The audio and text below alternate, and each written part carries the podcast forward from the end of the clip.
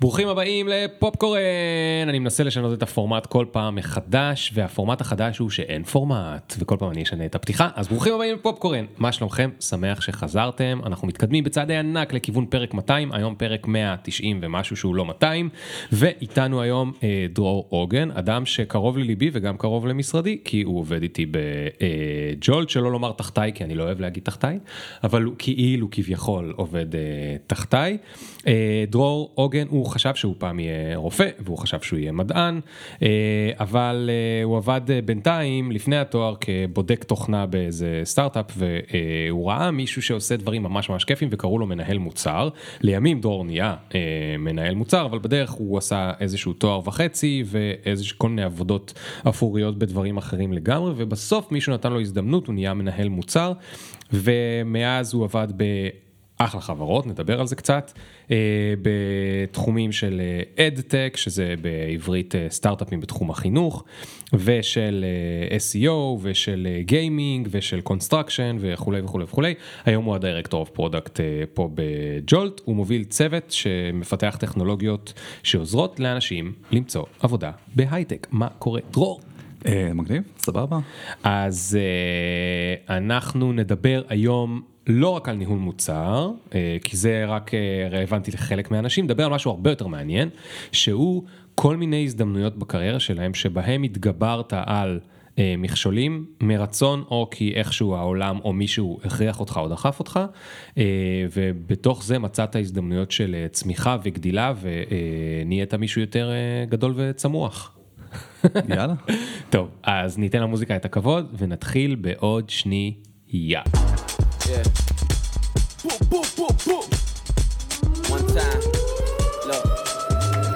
Ring the alarm, hot ass nigga. Yeah. Big ass head so my dreams get bigger. Yeah. Make campaign songs so my flows get sicker. Yeah. Confidence bigger than a drunk ass nigga. Look. אחרי התיכון אמרתי לעצמי שאני די טוב בלימודים ואולי אני אלך לעתודה האקדמית ונורא מצא חן בין הרעיון של הנדסת ביוטכנולוגיה אז היה אז איזשהו מקצוע חדשני כזה.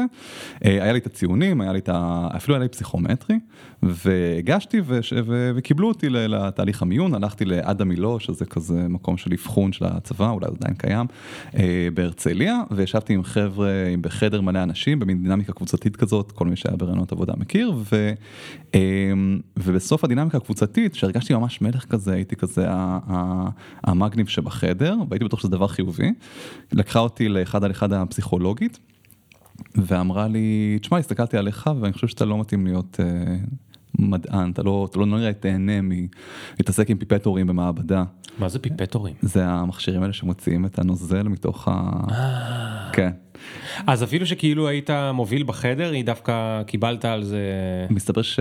מסתבר שזה כאילו למקצוע הזה אתה אמור להיות, לא יודע, אני לא רוצה להעליב אף אחד מהמדענים שמאזין, אמ, והיא אמרה לי, אתה לא... הבנתי שלא התקבלתי, ואכן קיבלתי מכתב דחייה ונורא נורא נעלבתי, אמ, משם כזה זה איחר לי את הגיוס וזה, היה לי, היה לי הרבה בטן על, ה... על הסצנריו הזה, ואחרי הצבא, שהיה חוויה נפלאה בתותחנים, אמ, היית קצין תותחנים. לא, הייתי, הייתי, אתה תמיד טועה בזה, לא, הייתי מש"ק. מבחינתי אתה היית קצין מש"ק תותחנים. מש"ק כנפיים.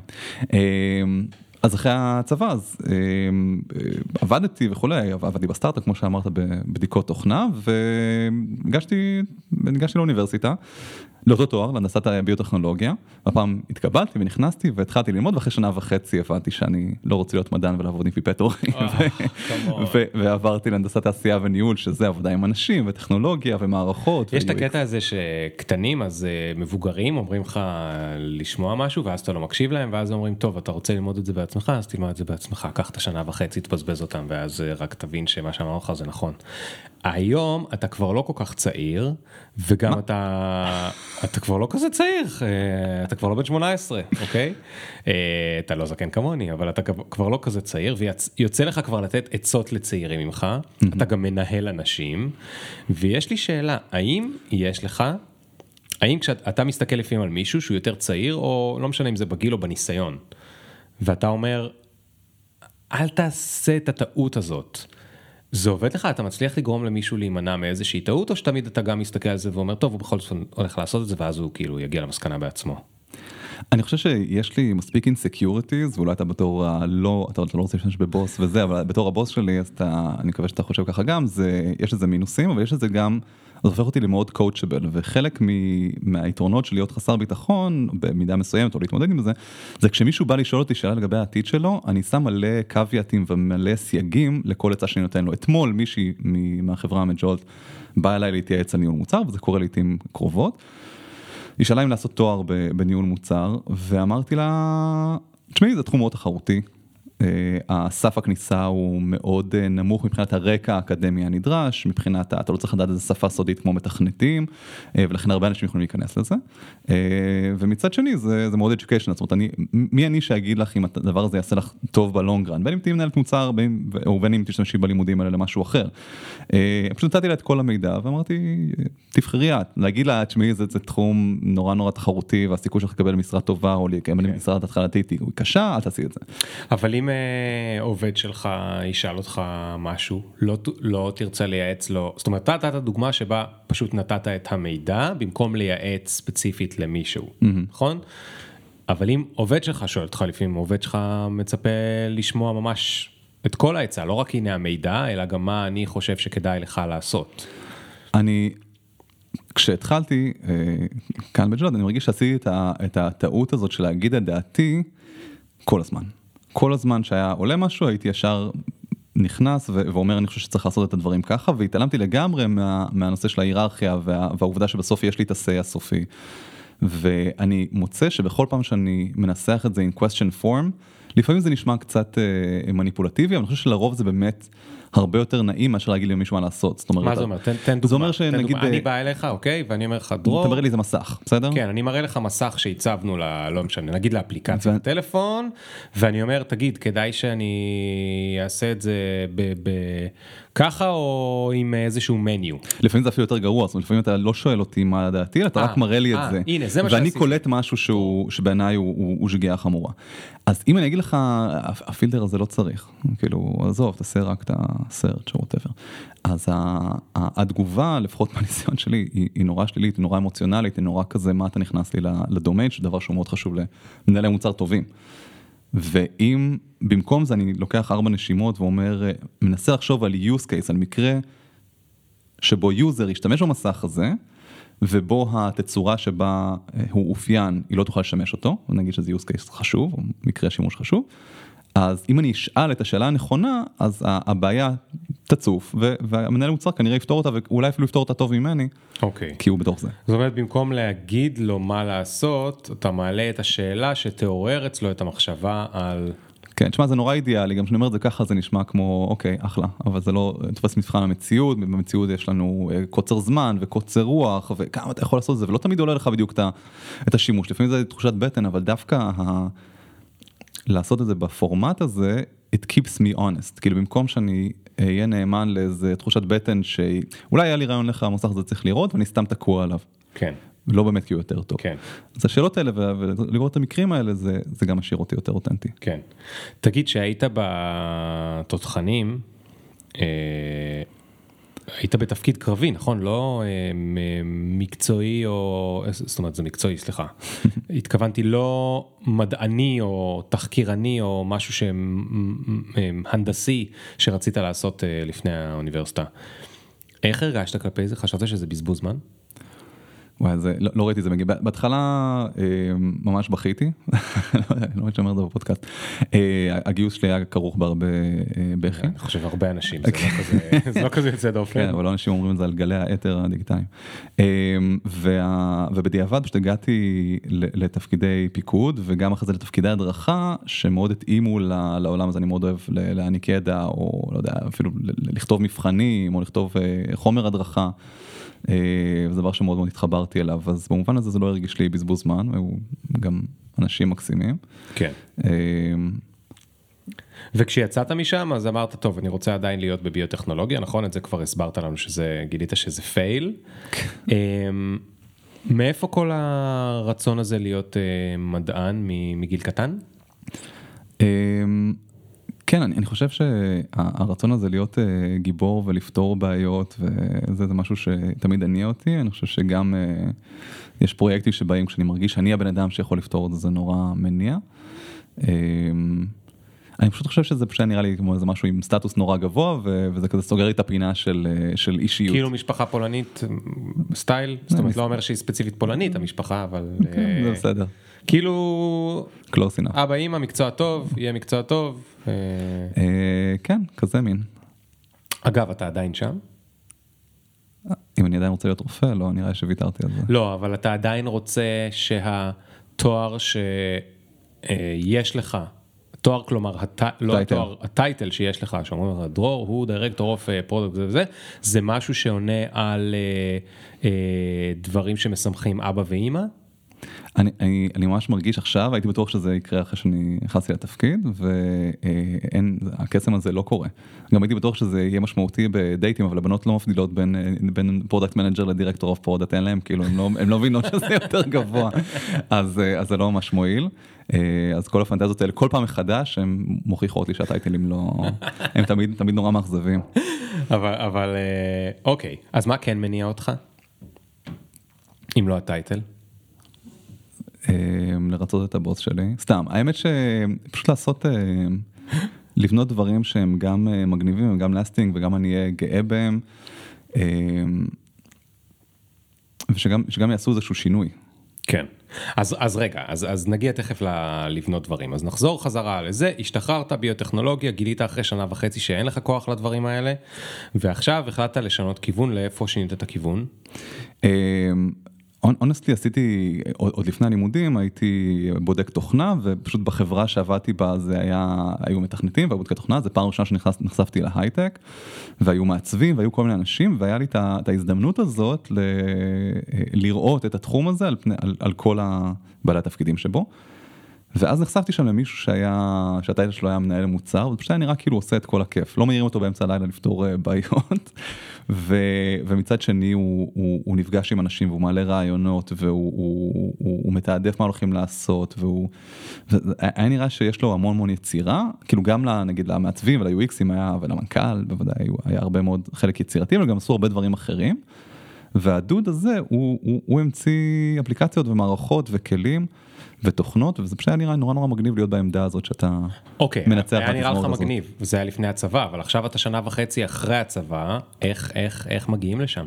אז זה התחיל דווקא מהצד השלילי, זאת אומרת קודם כל הרגשתי שההנדסה בטכנולוגיה לא מתאימה לי אה, ואז אה, הי- הייתי חולה אה, כמה שבועות והיה קצת דרמה בעזה במקביל וכאילו הכל ביחד הייתי כזה בבית ופתחתי את החוברת של כל התחומי ההנדסה כי עדיין צריך לרצות את, ה, את עצמי ואת ההורים ואת הסטנדרטים וכזה הסתכלתי לראות מה, מה מדבר אליי. אה, ו, ובהנדסת תעשייה וניהול היה אה, אה, התמחות במערכות מידע וספציפית כל מיני דברים שקשורים לממשק אדם מחשב. ו- וזה מה ממשק אדם. מחשב זה שם נורא מצחיק. ל-UX, כן. ל-UX, כן, אוקיי. כן. אמ, וככה הגעתי לזה, ככה זה, זה פתאום התקליקט, אני אפילו זוכר שבאיזה מחברת כתבתי שאני רוצה להיות מנהל מוצר. אתה יכול להסביר רגע למי שאף פעם לא הבין כי הוא לא עשה בעצמו את התואר הזה של תעשייה וניהול מה לעזאזל אתם לומדים שם? כאילו זה נשמע מהצד כאילו אתם לומדים על אה, מפעל שיש בו 300 איש וצריך לדעת לכוונן את המכונות מה עושים בתעשייה וניהול. אז, אז אה, זה תואר יחסית ותיק אמ, והוא עבר המון המון שינויים והיסטורית אה, הוא, הוא מדבר על אופטימיזציה של תהליכי ייצור. אתה, זה מתחיל מאיפה כדאי למקם את המכונות ככה שלא יצטרכו לשנע יותר מדי רחוק את חומרי הגלם בין מכונה למכונה, או איך אה, מסדרים את חומרי הגלם ואת התהליכים שלהם בתוך המכונות בצורה אופטימלית. אה, משם אגב הג- הגיעו חלק מהפתרונות ל- ל- לכל מיני כלים פה וג'וד, ל scheduling וכולי. אה, ועם השנים הדבר הזה עבר אה, טרנספורמציה יותר לעולם התוכנה. אז עכשיו לבוגרים יש את ההזדמנות להתמחות או בתוכנה או בייצור, רוב האנשים הולכים לתוכנה למרות שייצור זה, זה נורא, כמה עוד ייצור יש כבר זאת אומרת אין, אין, אין לי סטטיסטיקות אבל כנראה לא שונה. אבל אה, כמה אנשים צריך במפעל שידאגו לדברים האלה יש את מי שבונה את המפעל ויש את אה, לא יודע יש איזשהו מהנדס שבא ועוזר לתכנן את המפעל אבל. אה, לא, לא צריך רצף של אנשים ש... שעוסקים בזה לא? אני חושב שבכל בכל דבר ולכל זה עניין של התקציבים של החברות האלה אבל לאפטם את תהליכי הייצור זה משהו שצריך כל הזמן לעשות אבל אני מודה שאני בגלל שלא הלכתי לכיוון הזה אני רק כן. יודע כזה את האלגוריתמיקה ואת, ה, ואת כל כן. התכנים שקשורים אבל אני הלכתי יותר לכיוון של, אה, של כן. תוכנה. אוקיי, אז עשית את התואר, ו- ומה עשית בינתיים? עבדת איפשהו? כן הייתי מלצר. איפה? במסעדה בשם קמפאי בבאר שבע. למדת בבאר שבע, בן גוריון. כן. אה, איך היה לך להיות מלצר? הייתי מתרגש. כאילו זה נורא מצחיק, כי איך אני מכיר אותך עכשיו, אני מדמיין שאתה מלצר ואתה בראש מתכנן מה יהיה המסלול האופטימלי ללכת מהשירותים בחזרה למפיות, ודרך האם אני עובר במזלגות או שאני קודם אוסף את הסכינים ואז עובר במזלגות, כאילו זה מה שהיה לך בראש כל הזמן? יואו זה כזה מדויק. כן כן כן זה נכון. ותוסיף לזה גם את הממד של להתחמק מהשולחנות שדפקת להם איזה מנה או שהבאת להם לא בסדר. הייתי נורא מתרגש לפני כל משמרת זה היה כמו לעלות להופעה. אני ממש אה, לא עמדתי בזה. וואו. כן אחרי זה זה היה כזה שנה ב' ובשנים המתקדמות כבר עבדתי עבדתי בניהול פרויקטים באלביט ובטבע וכבר עשיתי כזה עבודות קצת יותר של אה, גדולים. מה זה ניהול פרויקטים בטבע, מה מנהלים שם?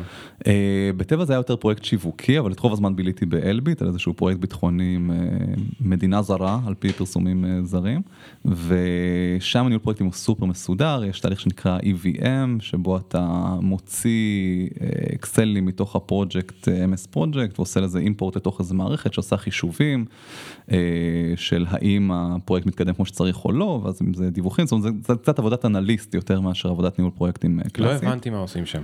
אתה כאילו מנסה להגיד, אתה, אתה לוחץ על כל מיני דברים במקלדת ואז אתה אומר הפרויקט לא זז, או כן. זז מהר, או זז לאט. יש איזה גאנט, בגאנט כתוב כמה התקדמו בכל משימה, יש מישהו שאחראי לעדכן את הגאנט הזה ולהזיז את המשימות אם הם התקצרו או התארכו. ואת וכל- כל זה לא אתה עושה. אה, גם אני עושה, כן. אוקיי. אה, אני מקבל את המידע מהשטח ואז אה, אני וואי זה היה כל כך מזמן אני אומר את זה כאילו זה היה אתמול ואז אתה שולף אתה עושה איזה אקספורט למידע הזה אתה עושה עליו כל מיני אה, דוחות ומניפולציות ומנסה להבין האם הפרויקט מתקדם כמו שהוא צריך להתקדם. כן. אבל רוב העבודה שלך תכלס זה, זה כמו עבודה חשבונאית כזאת להבין רגע הסכום הכולל הוא לא כמו שהוא צריך להיות אז איפה החורים. וזה היה מחרפן אותי מש- ממש ושם אה, אז זה כאילו נשמע כמו תכלול פרויקטים עצומים. כן, כן, אם, יש מישהו שכל מה שהוא עושה זה רק לקחת את מה שכולם כבר דיווחו, חמישה אנשים. ורק לבדוק שזה, אז כאילו חמישה אנשים מתכללים את כל הפרויקטים האלה. כן. אהבת ניהול פרויקטים? לא. לא. למה לא? אה, זה היה מאוד סיזיפי ספציפית שם, זאת אומרת יכול להיות שניהול פרויקטים במקומות אחרים, בטח ניהול פרויקט agile זה עולם אחר, אבל ספציפית השיטה הזאת שבעצם אתה אנליסט, היא פחות דיברה עליי, היא נורא שעממה אותי, והייתי מנסה לעשות כל מיני אה, כלים כאלה, כל מיני מקרואים באקסל ובפרויקט, אה, לנסות לייעל את זה, ולא הייתי, הקוד שלי לא היה something to write home about, אבל מאוד, אה, אבל האופטימיזציה הזאת הרבה יותר עניינה אותי מאשר להריץ שוב ושוב את אותו תהליך. אז ניסית בעצם לבנות משהו שיוכל להחליף אותך ויעשה במקומך את העבודה המשעממת. כן, ג'וב סקיורטי לא היה. ואם היית מצליח אז אה, היית מספר למנהל ש... שהצלחת להחליף את עצמך במשהו ואתה בעצם יושב רגל על רגל? יש, יש, את ה- יש את האגדה האורבנית הזאת בקורונה שאמרה שיש מתכנתים שעובדים גם בגוגל וגם ב... לא יודע, באמזון במקביל מהבית. כן. ואם הם מספיק טובים אז מרוויחים אה, משכורת כפולה. אז- תשמע, יש לי חבר אה, טוב שאני לא יכול לחשוף את שמו שהתקבל לעבודה בקליפורניה וסיפר להם שהוא, שהוא גר ב-LA והוא גר איפשהו ב-F3 ועד היום כאילו הם לא נפגשו אבל הם לא יודעים שהוא לא גר ב-LA. יואו. ישראלים ישראלים אה, עם, עם אה, מפותח אה, אה, קומבי, קומ, קומבינציות אה, ווייז. אה, תגיד, ב, ב, איך הגעת אחרי אה, להיות אנליסט של ניהול פרויקטים שאתה אמרת לא אני נשמע מאוד משעמם. סליחה, כל הדברים האלה שהיית צריך לעשות שם. מה, מה, איך התקדמת משם? אמ, אז אחרי, אחרי התפקיד הזה חיפשתי משרד, זה היה משרד סטודנט, אז כזה הרווחתי כמו שסטודנטים מרוויחים, ו, ומשם התחלתי לחפש עם סיום התואר הזה עבודה אחרת, ומצאתי איזה חברה שקראו לה אז וריבו, חברה ל, לניהול מוניטין מקוון, אז חברה שעושה כזה כמו SEO רק לאנשים פרטיים. ושם עבדתי בתור account manager, היו לי לקוחות בכל מיני מקומות בעולם שהקמתי עבורם כל מיני אתרים וקידמתי אותם וקישרתי אותם ועשיתי אה, מה זה אומר account לינקים. manager למי שלא מבין? למי שלא מכיר. יש לך לקוח והוא רוצה משהו, במקרה של החברה הזאת הוא רוצה שהתוצאות חיפוש, כשמחפשים את השם שלו בגוגל, יניבו תוצאות חיוביות, אז אתה, אתה מנסה לטפל בתוצאות האלה, די- אה, זה נשמע אפל, זה לא. אה, אתה מנסה לת- אה, לתקן את התוצאות האלה על ידי זה שאתה יוצר אתרים, מקשר כן. אותם ומקדם אותם עבור החיפוש של השם שלו. זאת אומרת, בדרך כלל account manager, מה שהוא עושה, הוא אחראי על לקוח אחד. כן. והוא לאו דווקא עושה בעצמו את השירותים של החברה. במקרה הזה גם היית עושה במקרה הזה היית עושה גם את כן. השירותים, אבל זה לא חייב להיות, נכון? זאת אומרת, לחברה יש אה, 20 או 200 או 2,000 לקוחות, ולכל אחד כזה יש מישהו מכיר, יש דרור עוגן שיושב איפשהו בחברה הישראלית הזאת, והוא אחראי לכל הבעיות שלו, לדברים טובים, לדברים רעים, הוא, ה... הוא המישהו מציק לו בצ'אט, זה לא כמו היום ב... שאתה מדבר עם כל מיני בוטים מעצבנים, יש לך שם ואתה יודע עם מי אתה מדבר, והוא הזה, אגב, לפעמים קוראים לזה גם customer success manager, זה לא בדיוק אותו דבר, אבל אה, אה, אגב, account manager יש גם, אתה יודע, בעולמות הפרסום, נכון? אני עכשיו אה, חברת הראל ביטוח, והלכתי למכאן דיגיטל שיעשו לי קמפיין פרסומי, ושם יושב או יושבת מישהי שיהיה account manager שלי, וכל הבעיות שלי בעולם אני מדבר רק איתה. אוקיי? נכון. אז זה אומר, עכשיו פה אתה אומר שגם עשית את השירותים, אבל זה גם אומר שהיית צריך להיות מאוד שירותי. זה אומר שגם היית צריך להיות זמין 24/7 או משהו כזה? לא, לא 24/7, אבל אה, יש שם, זה גם אנשים מאוד בכירים, זאת אומרת, זה, זה, אז, זה, אז, אז איך אנשים בכירים מדברים אליך? כאילו למישהו שהוא כזה סתם account manager צעיר. אני לא חושב שהם ידעו את זה. אה, אוקיי, אז מה הם חשבו שמטפל בהם המנכ"ל בכבודו בעצמו? לא, הם פגשו אותי, אני חושב שהייתה לי תחושה כזאת של ה... זה נשמע כמו קלישאה, אבל שכאילו להייטק הישראלי יש את ה gravitas שלו כשאתה מתקשר עם מישהו מחו"ל, וכאילו אם אתה, אתה ישר כזה חצי סוכן מוסד, עם שיודע לעשות כל מיני דברים, אז יש שם אה, גב מאוד רציני, בסוף אתה יודע, פתחתי אה, אתרים בוויקס ובפורס סקוואר, פורס ספייס, סקוואר ספייס. סקוור ספייס, כן. אז אה, כן, אבל זה עבד. אוקיי. וזה עבד, ועכשיו אתה מספר לי שלפני הצבא עבדת בתור בודק תוכנה וראית איזה מקצוע מגניב שנקרא לו מנהל מוצר. בינתיים כבר החלפת אה, בין תואר לתואר אחר, כבר היית מלצר, כבר היית אנליסט בזה, עכשיו אתה account manager. מה קורה? מתי אתה מתכוון להיות מנהל מוצר? כאילו, אה, סליחה שאני נשמע כמו אמא שלך. אז אה, תשמע, לא, אני חושב שזו בעיה שהרבה אנשים נתקלים בה היום, שא' לא ידעתי בכלל לחפש את זה, לא, לא ראיתי משרות כאלה, זה בכלל לא היה ב... ב אה, מסביב. כן, זה לא היה משהו שהיה זמין, ו... וההזדמנות נקרתה כשהתחלף המנכ"ל של אותה חברה, והגיע מנכ"ל חדש, הוא עשה ראיונות כאלה מחודשים עם כל האנשים ש... שעובדים בחברה. אמ, והמנכ"ל הזה הבין ש... ש... שצריך שם כל מיני פתרונות, וגם ברעיון שלי איתו אמרתי לו, תשמע, אנחנו לא אוספים דאטה, אנחנו לא, חסר לנו המון המון כלים, אנחנו נכנסים הרבה יותר, עבודה הרבה יותר טובה. גם ברמת ה-operations וגם ברמת ה... אפילו להבין כלים שיעזרו לנו להבין כמה לגבות מכל לקוח. והוא מאוד התלהב, להתלהב מהאמירה הזאת. ואז הוא אמר לי, טוב, מה אתה חושב שצריך לבנות? ו... והסברתי לו וכולי, ואז הוא אמר לי, טוב, אז, אז, אז תבנה את זה. והוא גם אמר לי, ותגייס איזשהו מתכנת, זאת אומרת, אולי תראיין אותו, ואני אני פשוט הסתכלתי עליו בעיני עגל כאלה של, תשמע, אני, איתך, אני בן אדם מאוד נאמן, יש לי רצייה חברתית גבוהה, אני רוצה שהבוס שלי יהיה מרוצה, ואני ממש בשמחה אעזור לך למצוא מישהו שיוכל לעשות את זה. כאילו אני אשב לידך, זאת אומרת, אה, הוא. אמר לך, לך תעשה את זה בשבילי, תפסיק להיות account manager, תתחיל להיות משהו שאפשר לקרוא לו מנהל מוצר ועוד כל כן. מיני דברים. קח את המפתחות, הוא אמר לך, תתחיל לעשות את זה, כן. אבל כל כך לא האמנת שהוא מתכוון שאתה יכול לעשות את זה, או לא האמנת שאתה יכול לעשות את זה, כי אף פעם גם לא למדת לעשות את זה. לא, דווקא למדתי לעשות את זה. יש קורסים בהנדסת תעשייה וניהול, ש... אה, אוקיי. תחום שנקרא UML, Unified Modeling Language, אתה ממש לומד אה, אפיון מערכות מידע, ויש תהליכים מאוד מאוד סדורים, היסטוריים. אה, אז למה, אז למה. לא האמנת שהוא מתכוון שאתה, כאילו למה לא... לא, אני האמנתי שהוא מתכוון לזה, אני רק לא האמנתי שאני הבן אדם המתאים לזה. כן, שאני לא. יכול. לא עשיתי אף פעם שום דבר כזה, זה היה נראה לי, כאילו הליפ הזה בין עשיתי תואר לבין אני אעשה את זה על באמת בחברה, כן, היה נראה לי גדול, ואמרתי, אוקיי, אני צריך פה איזה מישהו שיעשה את זה פעם ראשונה איתי, או כן. אני אהיה איזה שוליה. אז מה עשית? אה, אני, אני אמרתי לו את זה, ואז הוא, הוא אמר לי, אתה יכול רגע לסגור את, את הדלת, וכזה להיכנס אליו, ממש הרגשתי, הרגשתי כמו ילד כזה שנשלח למנהל, על ידי המנהל. ואז אה, אני, אני לא זוכר, אני עושה פרפרזה כי אני לא זוכר בדיוק מה הוא אמר, אבל בגדול הוא אמר לי, אתה יודע מה הבעיה שלך? אתה חושב שכל דבר זה מחקר אקדמי, אתה הבן אדם הנכון ל, לעשות את זה, אתה, you're the people we've been waiting for, ו, ו, ו, ואני סומך עליך, ותעשה את זה. ו... ו... וכך היה, קודם כל לשמחתי כן היה לי ממי ללמוד שם, המתכנת שאיתו עבדתי, כולם היו נורא צעירים, אגב. תמיד אומרים שכל אדם צריך מבוגר אחד שיאמין בו, אז לי היה ילד אחד או בחור צעיר אחד שהאמין בני, הייתי בן 29, המנכ"ל הזה היה בן 22, אחרי זה הוא המשיך למנכ"ל עוד כמה חברות, שבאחת מהן אנחנו יושבים, ו... והיה שם ממי ללמוד, זאת אומרת, גם המתכנת שהיה איתי היה מאוד צעיר, היה כזה האקר. אה, אבל שנייה, בוא, כן, בוא, רגע, בוא נתעכב על זה רגע. הדבר המטורף הזה שהרגע תיארת, שזה, יש מישהו שיש לו את הכוח להחליט, והוא פשוט מסתכל על מישהו אחר, בדרך כלל יותר צעיר ממנו, במקרה הזה לא, אבל בדרך כלל יותר צעיר ממנו, רואה בו את הפוטנציאל ונותן לו הזדמנות. האירוע הזה הוא אירוע שקורה לא הרבה פעמים בחיים, אה, אבל אצל הרבה מאוד אנשים, וכאילו בלעדיו קשה להבין לפעמים איך אפשר לעשות קפיצות בקריירה.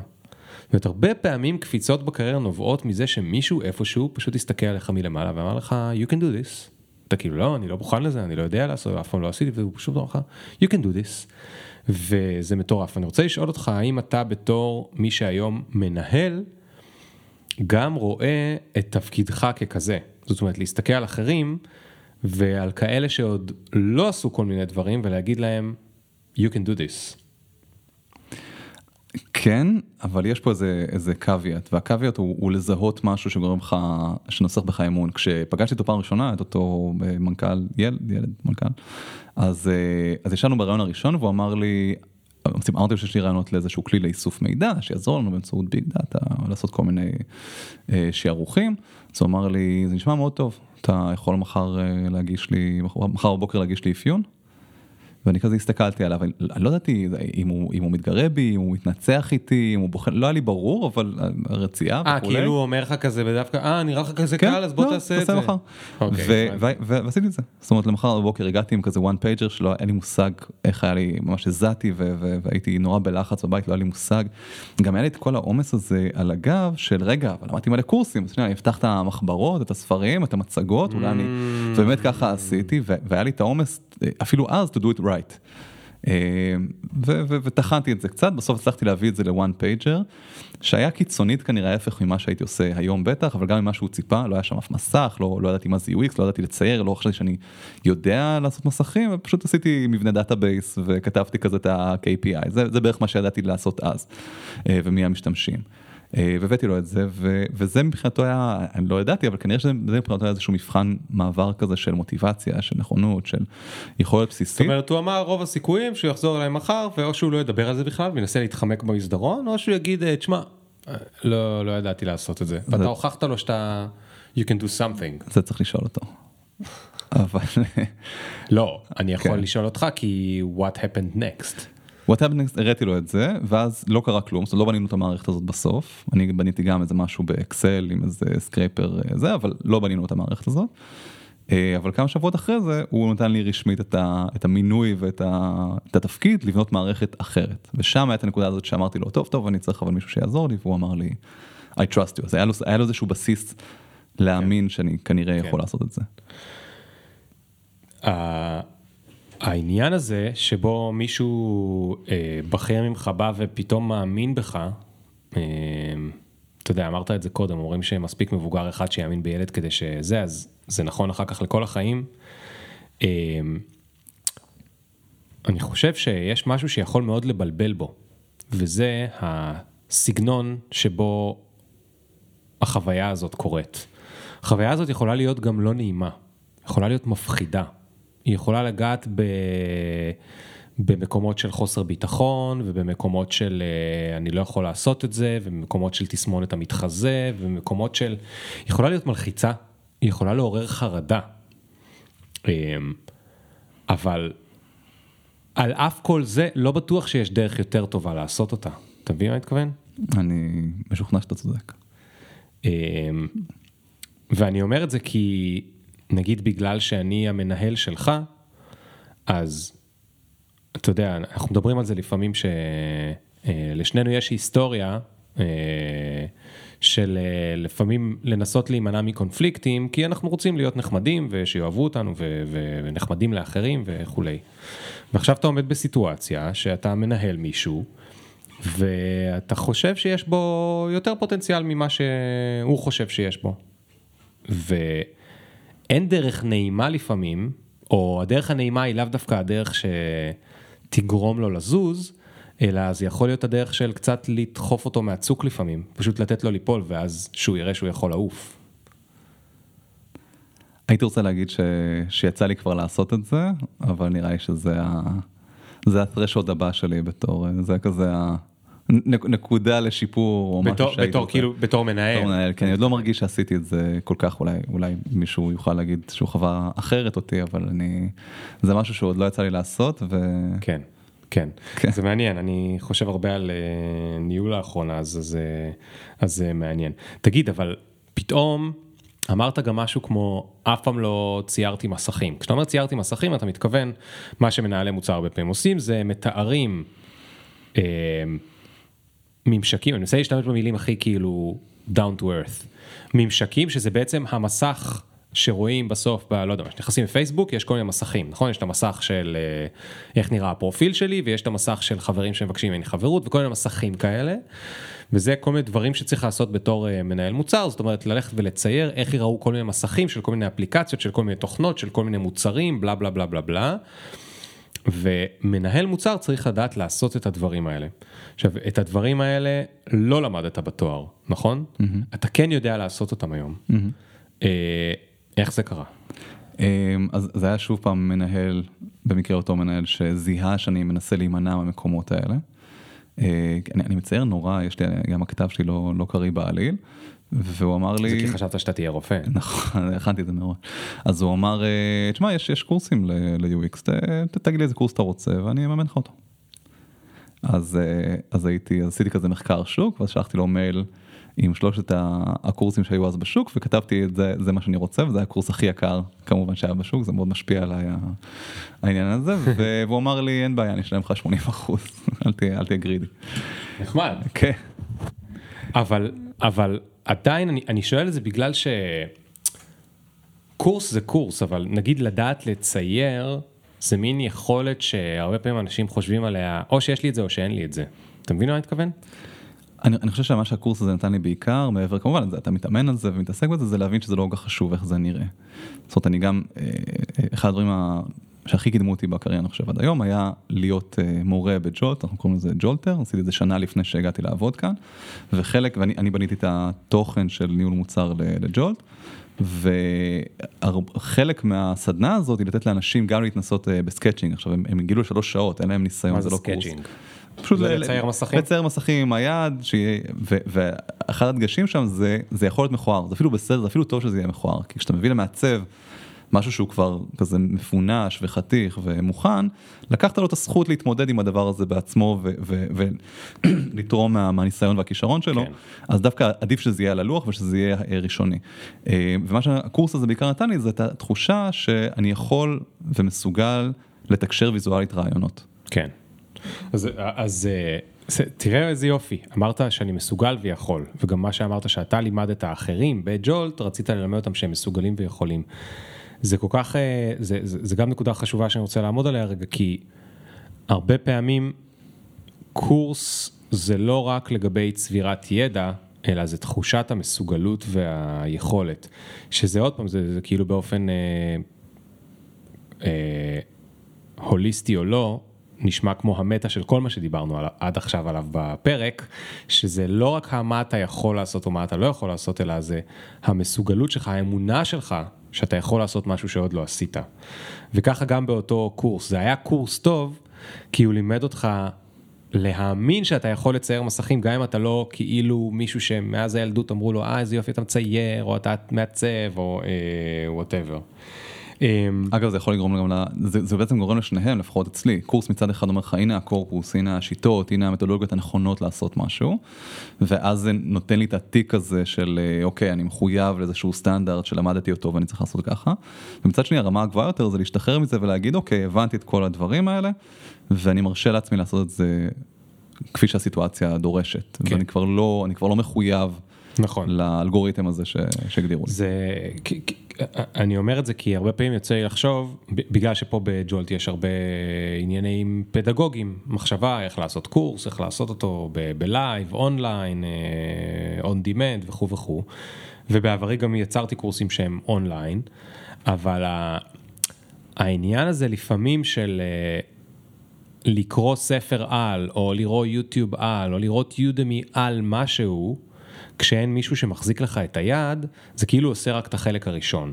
זה צבירת ידע, בלי החלק של ה... לקבל מסוגלות, או, או זה. עכשיו, יש תחומים שבהם אתה יודע שאתה מסוגל, אז הצבירת ידע הזו היא מדהימה, אתה יכול ללמוד תואר שלם גם במשהו שאתה אפילו קצת מאמין שאתה מסוגל בו. אה, יש תחומים אחרים שבהם אפילו קורסים כמו שאנחנו עושים 20 איש לא יספיקו, כי אתה צריך שמישהו ספציפי, אחד על אחד יחזיק לך את היד. זאת אומרת, הצד השני זה ה- בצד של ה... אפשר לקרוא לזה אימון או וואטאבר, או ניהול לפעמים. אתה צריך שמישהו ילווה אותך כי ה... אתה כל כך לא מאמין בעצמך, או לא בעצמך, אתה כל כך לא מאמין שיש לך את היכולת הזאת, שאתה צריך שמישהו ממש יהיה שם כל הזמן, אה, לשמור ולראות ולתת פידבקים. אני חושב שזה משתנה, זה תלוי בתחום, זאת אומרת, מה, מה מחיר הטעות. ובתחומים שבהם מחיר הטעות הוא נמוך, אז אתה יכול לתת לאנשים להתנסות ולעשות מעגלי בקרה ארוכים יותר, ואם מחיר הטעות הוא גבוה, אז אולי שם באמת נדרש ה hand holding הזה, זאת אומרת, אה, רגע, דיברת במלא זה, תן לי דוגמה פרקטית, אה, דוגמה אמיתית. אמ, שכן שלי מתל אביב היה מתעסק במעגלי בקרה של, אה, לא חלליות, של, איך זה נקרא? מעליות, לא, לא, מה, מה שמסתובב בחלל? ו... אה, לוויינים. להבין, תודה רבה. אז הוא מתעסק במעגלי בקרה, כאלה ש, אה, שמדייקים את המסלול כדי שהלוויין לא, לא יצא מה, מה orbit ויישרף. המדויק שלו וייסחף או whatever. ושם יש לך איזה one shot, זאת אומרת אין, אין גרסה נוספת. הגרסה הנוספת זה להגיד אוקיי, הלכו כמה מיליארדים ואנחנו אה, מעיפים לחלל עוד לוויין. אז שם לתת למישהו להגיד לו, "אה, טוב אתה תעשה את המעגל בקרה של הלוויין הזה ואני אעשה את זה של הבא, זה, כנראה לא כל כך עובד. אה, אבל אצלנו, כשזה תוכנה ושיש גרסת אה, testing ו-QA וכולי, אז אתה יכול להרשות לעצמך לתת למישהו להתנסות.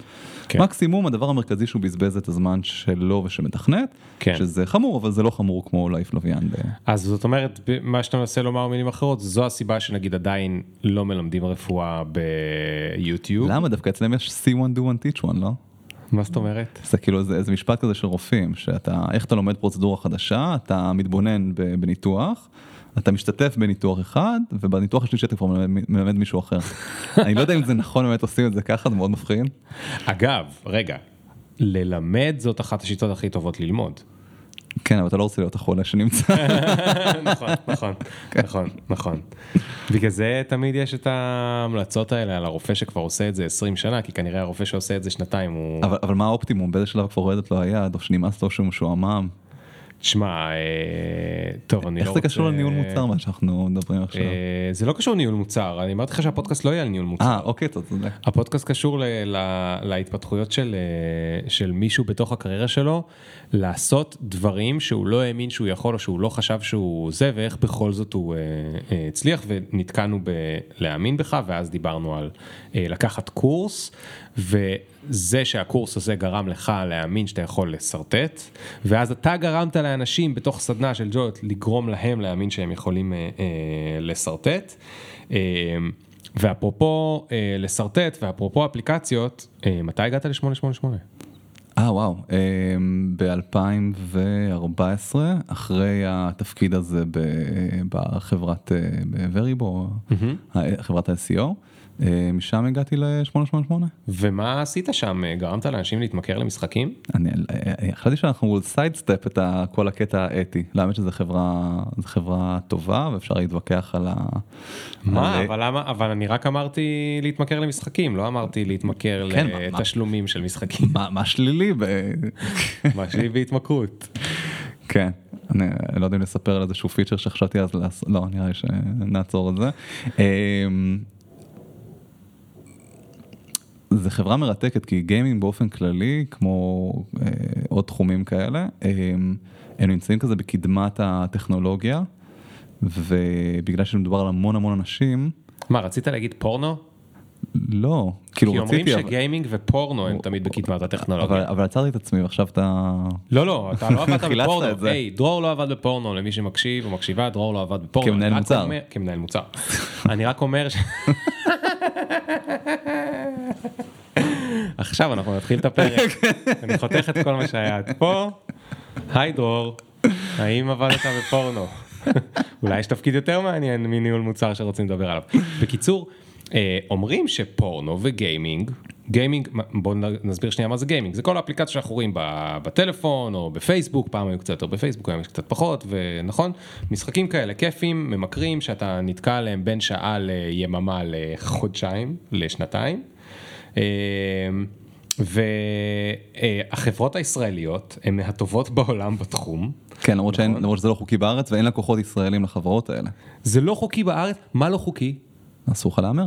אה, זה, שנייה, רק בוא, בוא נדגיש אז- את ההבדל. אז- אז יש, כן, יש שני. סוגים של חברות גיימינג, real money gaming ו- אה, אה, for fun gaming. זאת אומרת, ההבדל בין החברה הזאת לחברה הזאת, זה יכול להיות אפילו אותם משחקים מאוד דומים, בינגו, סלוט משינס, קזינו, פוקר וכולי, רק שב-real money gaming יש את פעולת ה-cash out, זאת אומרת, אתה יכול למשוך את הזכיות שלך, וב-for fun או... או אה, להפסיד את הכסף שלך. אני לא רציתי לציין, אבל כנראה שזה רוב המצב, אחרת הן לא היו מרוויחות. וב... והסוג השני זה uh, for fun, או, או, או uh, ברח לי המילה הספציפית, אבל שאתה לא יכול לעשות cash out, אתה עדיין מכניס כסף כי אתה קונה currency של האפליקציה בשביל להתקדם כן. בסבבים אתה וברמות. קונה חרבות, או מטבעות, וה- או חיים, או... וה- המצחיק הוא שהרווחיות שלהם, אני לא יודע, סטטיסטית לא בדקתי את הגובה המניה של פלייטיקה מול 888 האחרונה, אבל הרווחיות יכולה להיות דומה אפילו גדולה יותר ב-for fun gaming הזה שהוא לא real money ולא cash out, בגלל שהם לא נתונים תחת אותם כללי רגולציה שחברות gaming עם cash out, real money, נטולות בו. זאת אומרת, ה-888 נמצאת תחת הרגולציה מהחמורות אז רגע, בעולם. איך, איך זה הגיע לזה? זאת אומרת, קודם היו משחקים ואז לא הייתה רגולציה, נכון? אז, אז זה משחקי הימורים, נגיד פוק, פוקר אונליין? כי אני הייתי אוקיי. במחלקת הבינגו ו slot machines. בינגו ו slot machines, מגניב. ה slot machine, אז אני נוסע לווגאס ואני רוצה לשחק ב slot machine והאמריקאים אומרים לי אנחנו אוהבים כסף, אנחנו רק רוצים לבדוק שאתה מעל גיל 18 נדמה לי, נכון? נכון. אם אתה מעל גיל 18 ויש לך דופק, לא אכפת לנו גם אם אתה מטורלל. אתה בכלל לא יכול להיכנס לקזינו אם אתה מתחת לגיל 18, צריך ללכת נכון. מסביב כזה. נכון. ובוא זה, תביא את הכסף שלך, תקבל בז'יטונים, לך למכונה, תכניס ז'יטונים, זכית, נביא לך את הכסף, לא זכית, שזה בדרך כלל מה שקורה, אה, אז אה, לך תשתה, אנחנו בינתיים נביא לך וודקה או משהו כדי שתטביע את יגונך, וזהו, יש לך עוד כסף, תביא עוד כסף, תחזור כמה פעמים שאתה רוצה. יופי, זה בעולם האמיתי. יש שם רגולציה? אני לא יודע מספיק, יכול יש להיות שעכשיו רגולציה על יש. הגיל שלך, נכון, נכון. אה, אבל בכל זאת, אתה יכול גם לבוא עם מיליון דולר לקזינו ולהפסיד את כל המיליון הזה כן. באותו ערב, ועל זה אין רגולציה, וזה לגמרי, אה, וזה זה מה שקורה באמריקה הגדולה, וגם בכל מיני מדינות אחרות. אז, אז לא בשביל להלבין את ה... את ה אה, או, או להכחיש, או להכפיש, סליחה, את ה online gaming, אבל ה online gaming מובילים בעולם מבחינת רגולציה, זאת אומרת, יש שם כל כך הרבה כלים שמגנים. לא רק בהשוואה לקזינו מציאותי, אלא גם בהשוואה לאפליקציות אחרות. זאת אומרת, אם נגיד אה, פייסבוק או אה, for fun gaming או כל אפליקציה אחרת, אה, אפליקציות dating, בסדר, שלוקחות ממך כסף וזמן ומשאבים, אה, ואתה מוסיף עוד ועוד כסף בשביל להגיע לכל מיני הישגים, ומשתמשים בכל מיני מכניזמים מאוד מאוד מתוחכמים בשביל לגרום לך להוציא יותר ויותר. למשל, באתרי היכרויות מדובר על חשיפה, אתה משלם על החשיפה שלך מול המגדר שאתה רוצה לגשת אליו, אה, וכל פעם אה, מקטינים את החשיפה שלך, זאת אומרת, צריך להוציא יותר כסף, או. שמציגים לך אה, כרטיסים של אנשים פחות אטרקטיביים ביחס למה שהסטטיסטיקה אומרת. או בפייסבוק אם אתה בעל עסק אז ככל שתשקיע יותר יחשפו את העסק שלך נכון. ליותר אחרים. כן. ולעומת זאת ב-real money online gaming הרגולציה היא כל כך קיצונית שכמעט כל אספקט שיכול לגרום להתמכרות או להוצאות מעבר למה שאתה רוצה הוא מכוסה. להגיד לך שזה מונע התמכרויות ואנשים לא מאבדים אה, אה, יותר ממה שהם התכוונו זה יהיה שקר אבל יש שם רגע, רגולציות. אבל, אבל איך זה קרה שיש שם את הרגולציה הזאת? אני מניח כי שה- הרי האינטרנט הוא יותר פרוץ מהעולם אני האמיתי. אני מניח. שאנשים איבדו הכל ואז אה, אוקיי, זאת אומרת, it, it went down the drain. כנראה שזה נכתב, נכתב בדם, כן. אוקיי. אז הרגולטור הבריטי שתחתיו עבדנו היה מאוד מאוד קיצוני, היה, אני באופן אישי הייתי אחראי לחלק מהפרויקטים האלה של הרגולציה, ומדובר על עשרות עמודים שקראתי הרבה מאוד פעמים בשביל להבין בדיוק על קוצו של יוד מה הם רוצים. אוקיי, רגע, אז שנייה, זה, זה דווקא צלילה מעניינת למה עושים. כן נדבר שנייה על ניהול מוצר, אז אוקיי, אז נגיד אתה עובד עכשיו בחברת גיימינג ויש שם slot machine כמו בווגאס, רק פשוט בטלפון אני לוחץ על אדום ומשהו זז ואולי יש שלושה דובדבנים ואולי לא, נכון? כן, כזה? כן. או קצת יותר מתוחכם, לא הרבה יותר. יופי. ועכשיו אה, מתקשרים מהחוק ואומרים, היי, שמענו שאתם גורמים לאנשים לאבד יותר מדי כסף, אנחנו רוצים לשים עליכם קצת רגולציה. ואתם אומרים, סבבה, אנחנו רוצים להישאר בביזנס, אז נענה לרגולציה. ואז אה, אה, אומרים לך, אה, יופי, תודה ששאלת, זה לא שני כללים, אלא זה 18 עמודים עם 400 כללים. אתה מקבל מסמך שהוא משפטי. כן. ועכשיו התפקיד שלך בתור המנהל מוצר זה לקחת את המסמך המשפטי הזה ואיך לעזאזל אתה מקשר את המסמך המשפטי הזה למשחק, כי הרי זה לא שיש בהתחלה כזה, האם אתה מסכים אה, ל-terms and conditions ואתה עושה yes, נכון? אתה אמור אשכרה, כאילו, מה יש למשל בתוך המסמך הזה ומה אתה עושה עם זה באפליקציה? יכול לתת דוגמה? אמ, הגישה הכי פשוט- פשטנית הייתה זה שהרגולטור אמר ואנחנו אה, אה, רוצים להישמע לו כי אחרת לא נוכל לעבוד בגיאוגרפיות האלה ואז אה, לוקחים את זה פורסים את זה לאקסל רואים מה הפערים מול המערכת לא, הנוכחית. תן דוגמה אמיתית, מה זה הרגולטור? אמ, למשל בתוך ה-800 כן, כן. עמודי רגולציה, יש סעיף ורשום שם שמה? שיש, אמ, אתה חייב להטמיע בתוך האפליקציה מכניזם שמתזכר את היוזר כל כמה דקות שהוא כבר משחק איקס דקות. אוקיי. אה, יש עוד הרבה כאלה, יש כאלה שמגבילים את כמה אתה מפקיד וכולי, אבל אמ, אוקיי, אז זה סעיף לדוגמה. נגיד, עכשיו אתה מנהל מוצר, כן. עכשיו מה, מה, מה אתה עושה? אתה הולך לחבר'ה שעושים את המסכים של האפליקציה ואתה אומר להם, היי, אתם צריכים אה, כל כמה דקות אה, לתזכר את היוזר? אז דווקא זה החלק הקל. אמ, אמ, אתה לוקח את זה, זו דרישה כמו כל דרישה, היא אפילו קלה יותר מדרישות אחרות, כי במקום להתחיל להגדיר KPIs ולהתחיל להסתכל על, אה, על, אה, אמ, על מה אתה רוצה לאפטם ומול מה אתה רוצה לאפטם את זה ולנסות למצוא דרכים, בעצם הגדירו לך פחות או יותר מה אתה צריך לעשות ואז זה כבר עניין של אה, מה התדירות, מה הדיפולט. האישו כאן הוא אמ, איך אתה מפרש את, ה, את הפיצ'רים האלה ויש כאן גם דילמה גם אתית וגם משפטית של אתה יכול לפרש את זה לחומרה ואתה יכול לפרש את זה בצורה יותר מקלה והמשמעויות הכלכליות של זה הן אדירות. אז איך אתה בכלל ניגש לזה זאת אומרת כשזה דבר, אזורים רגישים כאלה כמו אה, התמכרות. אז להגיד אני רוצה למקסם את, ה, את ההכנסות שלי וכבר רגולטור אומר לך תשמע זה נקודה בעייתית אתה צריך להבין שאם בן אדם מהמר כבר 30 דקות ברצף אז יכול להיות שיש כאן בעיה. אה, ואז אתה פתאום נכנס לדילמות כאלה קשות של איך לממש את זה מה הצבע והתדירות וה pop-up ומה ה default ו, אה, ואיך אתה מציג את זה כן, נכון, כי אתה הזה. יכול להציג pop-up אדום עם גולגולת, כן. שכאילו אתה כבר 30 דקות מהמר, תפסיק, אתה מפסיד כל אפילו, הכסף אפילו שלך. הניסוח יכול להיות. אה, ואתה יכול אה, להציג pop-up מתוק כזה של, היי, אתה כבר 30 דקות. היי, you've been playing for 30 minutes, אולי זה כן, חיובי כן, בכלל. כן, איזה יופי, כבר 30 דקות. Would you like to continue? כן, נכון. כן. תגיד, ואוקיי, אז- המנהל מוצר צריך בעצם לקחת במקרה כזה החלטות אתיות, מוסריות, אפשר לומר אפילו, אה, אה, משפטיות, עסקיות. משפטיות, עסקיות, מה, מי נתן קונטרה למי?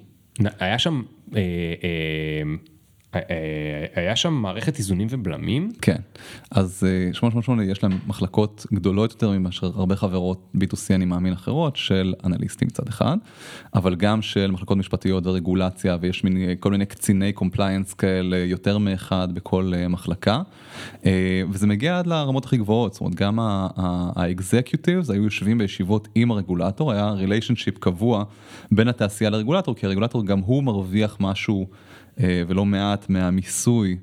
על הדבר הזה, שאתה יכול להגיד שיש פה איזה, Mm. איזה turning door, אפשר לדבר על האתיקה ברמה הוא הגדולה. מקבל מיסים מההשקעות ב slot machine, נכון. והוא אוהב את המיסים. אגב, אנחנו אז יכולים ללכת על זה, אבל גם- אבל אז גם אולי יש לו פיס גם אינטרס וזה, שכולם יתמכרו. כן, אתה יכול להגיד את זה גם על ישראל. פיס, ברור, פיס קוראים כן. לזה מועצת ההימורים, כי זה כן. מועצת ההתמכרויות. אבל מצד שני התוצאות הם, הם, הם גם לטובת הציבור וכמו המיסים האלה אז יש כאן יש כאן איזה מעגל כזה קסמים שאתה אומר רגע זה טוב זה רע זה necessary כן, evil. אם, רק העשירים שיש להם הרבה כסף היו אה, מתמכרים למועצת נכון. פיס, הייתי שמח שכספם ילך לאולמות ספורט אה, אצל אנשים בפריפריה, אבל אם אנשים מהפריפריה מתמכרים לפיס, אתה- אני לא בטוח שזה... שמת לב באיזה ערים יש יותר ופחות בוטקיים בכל כן. מקרה אבל אה, עוד דבר שאולי לא תאמין אבל ב- יש אחד מהרגולציות זה שאתה כשאתה נכנס מעבר לאיזשהו סכום אתה חייב להגיד במה אתה עוסק. ובמה אתה עוסק אז בתוך לא האפליקציה. הבנתי, אני המשתמש, אתה משתמש עברת את העשרת אלפים דולר שמתי יותר מעשרת אלפים דולר, עכשיו? שואלים אותי מה אני עושה. לא חודשית אלא lifetime הוצאת עשרת אלפים דולר אומרים לך עצור כן. עכשיו תגיד לי מה אתה עובד. מה מה קשור? ואז אתה אומר אם אתה אומר אני עובד כפועל סניטציה כן. אז אומרים לך כל סניטציה זה שרברב? אה, תן לי? טיפה לשמור על כבודם של אה, כן. לא, אבל אתה כל הזמן מדבר במילים אה, אה. בלועזית, אני מנסה זה. פועל זבל בסדר. אוקיי אמרת קודם ז'יטונים אני כן. אוקיי אז אמ, אז אם אני אם אני בתפקיד שהוא לא מכניס הרבה כסף אז יגבילו אותי לפי Mm. איזושהי טבלה שאומרת כמה מרוויחים בממוצע ב- בצפון אה, אה, לונדון לדבר הזה כן. בצפון UK. ואם אני מנכ"ל אז קודם כל יאמתו אותי להגיד לך באיזה תדירות בודקים ומי בודק ובאיזה צורה אבל אם אתה אומר שאתה מנכ"ל אז ישימו לך את הרף הגבוה יותר. זאת אומרת יש כאן את העניין אמרת שאתה רוצה רק שהעשירים אני עוד פעם אני לא מנסה להגיד שכולם אה, טהורים כזה אבל אני יכול להגיד שהרגולציה היא מאוד מאוד קשוחה. הייתי שמח אגב לראות רגולציה כזאת גם באפליקציות אחרות זאת אומרת גם בטינדר למי שמשתמש אה, הייתי רוצה הייתי רוצה לראות שכאילו מגבילים כי בסוף יש מוטיב- מוטיבציות אנושיות כאלה של אה, אתה יודע של אה, קשר ו- ורצון ב... כן. ויש פה מי שאפשר להגיד שמנצל את זה. נכון, נכון. אגב, לדעתי בסופו של דבר יהיו, תהיה רגולציה בכל המקומות האלה, כן. פשוט אנחנו ב... אנחנו. הגורמים המוסדיים הם באיחור תמיד אה, ניכר, כמו שראו ב... בסנאט כשהזמינו את פייסבוק אה, לד- לדבר איתם או את אמזון אבל איזה אבל- סבלני הוא היה כשהוא ענה להם כאילו על כל השאלות. כן אני לא יודע על מה הוא היה כשהוא ענה להם אבל אה, יכול להיות שבאופן טבעי הוא, הוא נראה כמו רובוט. אה, מרק אם אתה שומע את זה אנחנו אוהבים אותך תחסום אותנו. אני מעדיף את אחותו. מה? רנדי צוקרברג. לא. אתה יודע לא מה ההבדל בין מרק. צוקרברג לרנדי צוקרברג? מרק צוקרברג, אה, אתה יודע שהם יהודים, כן? אולי ניחשת. מהשם משפחה, משפחה. כן. אז אה, כשהם עושים סדר פסח זה כזה קטע ש... אוקיי, אתה... זה נשמע התחלה של בדיחה. לא, לא, לא, לצערי אין שם אה, משהו מצחיק. אתה מכיר את הפרויקט שפעם עשיתי על אה, העלאת מודעות להתמכרות לסמארטפונים? לא. אוקיי, אז פעם עשיתי איזה פרויקט, קוראים לו דיגיטייז מי, לא חשוב, תחפש ביוטיוב, ו... או בגוגל או משהו, ורנדי צוקרברג, באיזשהו שלב בפרויקט, יש תמונה של רנדי צוקרברג עומדת עם שלט במרפסת שלה בניו יורק או משהו, היה לי מלא תמונות עם מלא אנשים, חלקם מפורסמים, גם רנדי צוקרברג עומדת שם באמצע הפרויקט מתישהו, וכתוב, אה, אה, I... בקיצור, אני מתנתקת מה... I plug... אה, פלאג אאוט. plug out, משהו כזה. Unplug. for, כן, I unplug for אה, לא זוכר מה.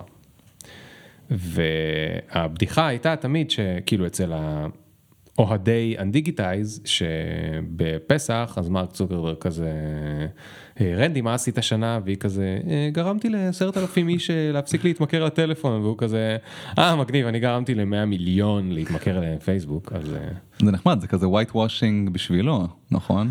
יכול להיות יכול להיות אולי- אולי בעצם זה הכל מתוכנן. יכול להיות, או שאתה מתנהג בשוביניזם אה, קל עכשיו. למה שוביניזם? לא, אני אומר להיות שהם- לה- אני אומר שהם היו ביחד, והוא אמר לה, "את את תדאגי שזה י- י- יעבוד אבל רק עשרת אלפים, את תהיי כאילו כן. הצחורה ובפרונט וכאילו תלביני את העובדה ש... מה אם זה מזימה שלה?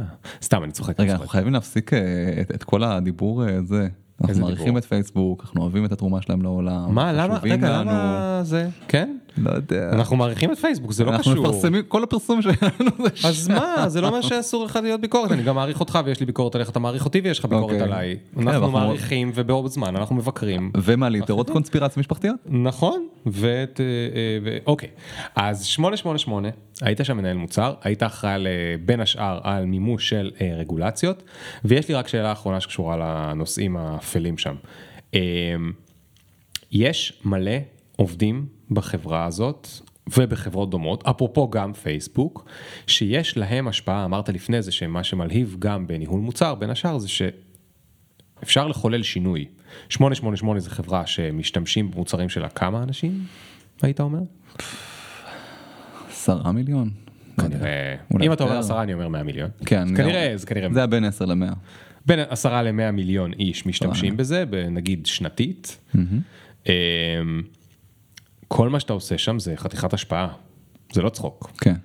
עכשיו בתוך החברה יש אנשים שנוגעים בכל מיני חלקים וחלקם משפיעים בצורה מאוד אה, זה המעצבים למשל דיברנו קודם על איך ייראה ה pop-up הזה האם הוא חמודי מתוקי או שהוא שם לך גולגולת ואומר לך אחי אתה מכור. אה, המעצבים המתכנתים אה, מ- אה, מעצבי המוצר אה, אה, מנהלי המוצר אה, אה, מנהלים. אה, האם ראית שם אחידות אתית אצל כולם? והאם זה בכלל היה בדיבור העניין של כאילו מה אני עלול לעולל ליוזר או שכולם היו במין סוג של הדחקה אני מקצוען אני עושה את העבודה שלי ואני לא רוצה לחשוב על זה שכאילו יש אנשים שאולי מאבדים את הכסף שלהם בהימורים. זאת אומרת אני, אני לא שואל אותך עכשיו על דרור אישית אני שואל מה היה הלך הרוח. יש לי תשובה מאוד ניהול מוצרית שכאילו אתה לא יכול באותה שנייה להיות גם הזרם גם הסכר לפי דני רובס אתה כאילו אתה you're brainstorming ideas על איך אפשר אה, להעלות conversion בטופס הרישום. איך אפשר להגדיר את, ה, את, ה, את הגובה של ה-first time deposit כאילו של ההפקדה הראשונה. איך אתה יכול להגדיל את תדירות ההפקדה כל מיני דברים שקשורים למדדים עסקיים שהם הם לגיטימיים או לפחות בעיניי אני מקווה שגם בעיני המאזינים אה, ומצד שני אתה אז אתה עושה את ה brainstorm אתה חושב על הרעיונות הכי מופרעים והכי אה, מונפצים על איך אפשר לגרום לאנשים לעשות את זה יותר. ואז אחרי ששפכת על הנייר והוא ספג את כל הרעיונות המופרעים שלך אז מגיע רגע לסנן את זה אז כמו שבחברות שבהם הנושא הרגולטורי הוא לא כל כך במרכז והוא לא כזה issue מסננים לפי uh, עד כמה זה מורכב לעשות את זה עד כמה זה יהיה אפקטיבי uh, uh, מה עושים מתחרים כל הדברים שגורמים לנו להחליט על איזה רעיון ללכת אז כאן יש לך פילטר נוסף והוא האם זה עומד בכללי הרגולציה והאם זה אתי. כן. טוב תגיד אחרי ששיחקת בסלוט משינס ובינגו אתה אגב משחק ב... לא.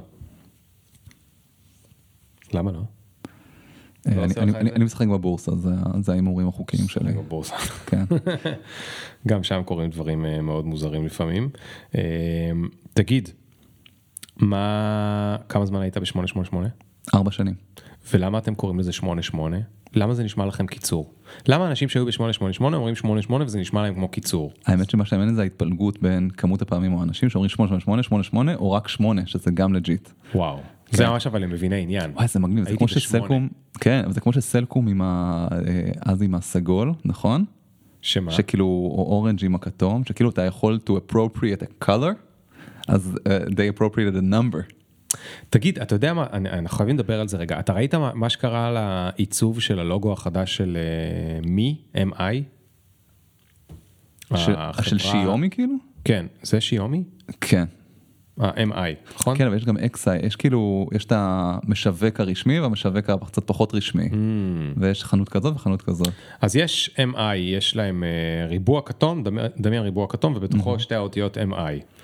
והיה בשבועיים האחרונים אה, אה, סיפור ענק תקשורתי, הם שילמו לאיזשהו מעצב יפני 300 אלף דולר שיעשה rebranding ללוגו.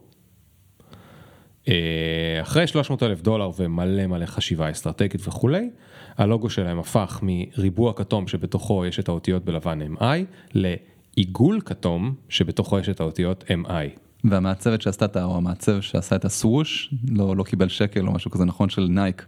יש כאילו את הסיפורים ההפוכים של כזה. קיבל גרושים כאילו. אני לא זוכר אם זה היה של נייק או משהו אחר. מה אתה חושב על זה? על הקטע עם הלוגו? אני חושב שהמיתוג כאן הוא החלק החשוב, אני לא מספיק מבין בעיצוב, ויכול להיות שיש באמת הפרופורציה המדויקת ויחס הזהב, ו... אבל אני חושב שהיכולת של מעצב כזה גם להגיע לשם שבו אם הוא שם, נכון שאתה תמיד את הקבקובים האלה שמראים לך למה הרדיוס המדויק הזה זה הדבר הכי נכון, ויש פה פר... פרקטלים שאתה לא רואה בכלל אבל הם קיימים. ו... אז, אה, אז אני חושב שלהגיע לרמת מיתוג כזאת שמישהו מוכן לשלם לך 300 אלף דולר בשביל הפקטה שאתה מקבל אימא, כי הרי זה לא הגיע, הוא לא שלח להם עיגול אמר למרות שזה הכי, הכי מגניב. כנראה עשה מצגת כנראה עשה מצגת, כן, עם כל מיני קבקובים ועם אה, זה, למה בחרתי בה. אה, אז אני חושב שזה הגדולה האמיתית, זה הייתי רוצה לדעת. אז אני אגיד לך למה אני אומר, כי למי שנמצא מחוץ, נגיד לסטארט-אפ, או למנהל מוצר, הוא אומר, אוקיי, יש שם אה, איזה כיף להם, הם הולכים והם בונים מלא מלא מלא מלא דברים. האמת היא שמלא מהדברים שאנחנו בונים, אנחנו זורקים. או מלא דברים שאנחנו מתכננים לבנות, בסוף אנחנו בוחרים אופציה אחת מיני uh, רבות. Uh, כמו שהיה נגיד בפרויקט הסקייג'ולר המפורסם, אבל הוא לא מפורסם בפודקאסט, אז לא, לא נדבר עליו עכשיו. לא, הוא הצליח, אבל... אבל יש לו גרסאות קודמות. ש... הוא הצליח, אבל היו הרבה גרסאות כן. שלו, שאתה נגיד עברת הרבה מאוד דם יזע דמעות, ועדיין... Uh, לא הגרסאות האלה נבחרו, ונבחרה גרסה אחת אחרת. אני, אני מדמיין את זה אחרת, אני מדמיין שבאינטרנט, אם כאילו פרויקטי תוכנה היו פרויקטי בניין, כמות הרי, ואתה יודע, פרויקטי תוכנה יכולים להגיע למיליוני דולרים. אז אם אתה מגביל את זה לבניינים, תדמיין שאתה הולך בעולם ואתה רואה מלא מלא ערי רפאים כאלה, שמישהו השקיע בהם המון המון המון זמן ואף אחד לא גר בהם. כן. והם, קיימ, והם קיימות. כן, והם קיימות כמו בסין. זה... איך זה גורם לך להרגיש כשאתה עובד על משהו לפעמים חודש גם ואז אתה פשוט לא לא זוכה לממש אותו אתה סיימת הרי מה קורה ב, למי שלא מכיר מנהל המוצר עושה הרבה עבודה עם מעצבים בלי מעצבים מתייעץ במתכנתים לא מתייעץ וזהו סיים את עבודתו או נגיד. את החלק הראשון של עבודתו ועכשיו הוא מעביר את זה למתכנתים שילכו ו... או לאנשי חומרה או וואטאבר שילכו ויממשו את זה, אוקיי?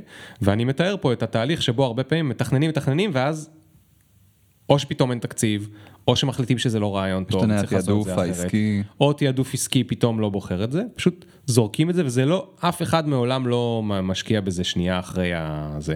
איך זה גורם לך להרגיש כשזה קורה?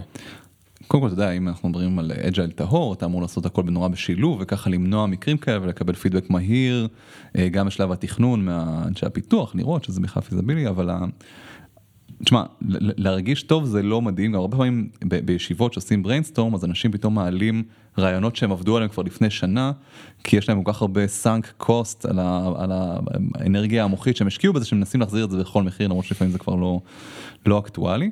אני חושב שזה ממש זן להיות מסוגל אה, לשחרר מה, מהדברים האלה, אה, אני לא, עוד לא ממש זן. מה זאת אומרת, אז איך זה בא לידי ביטוי? אה, איך אתה יוצא מזה?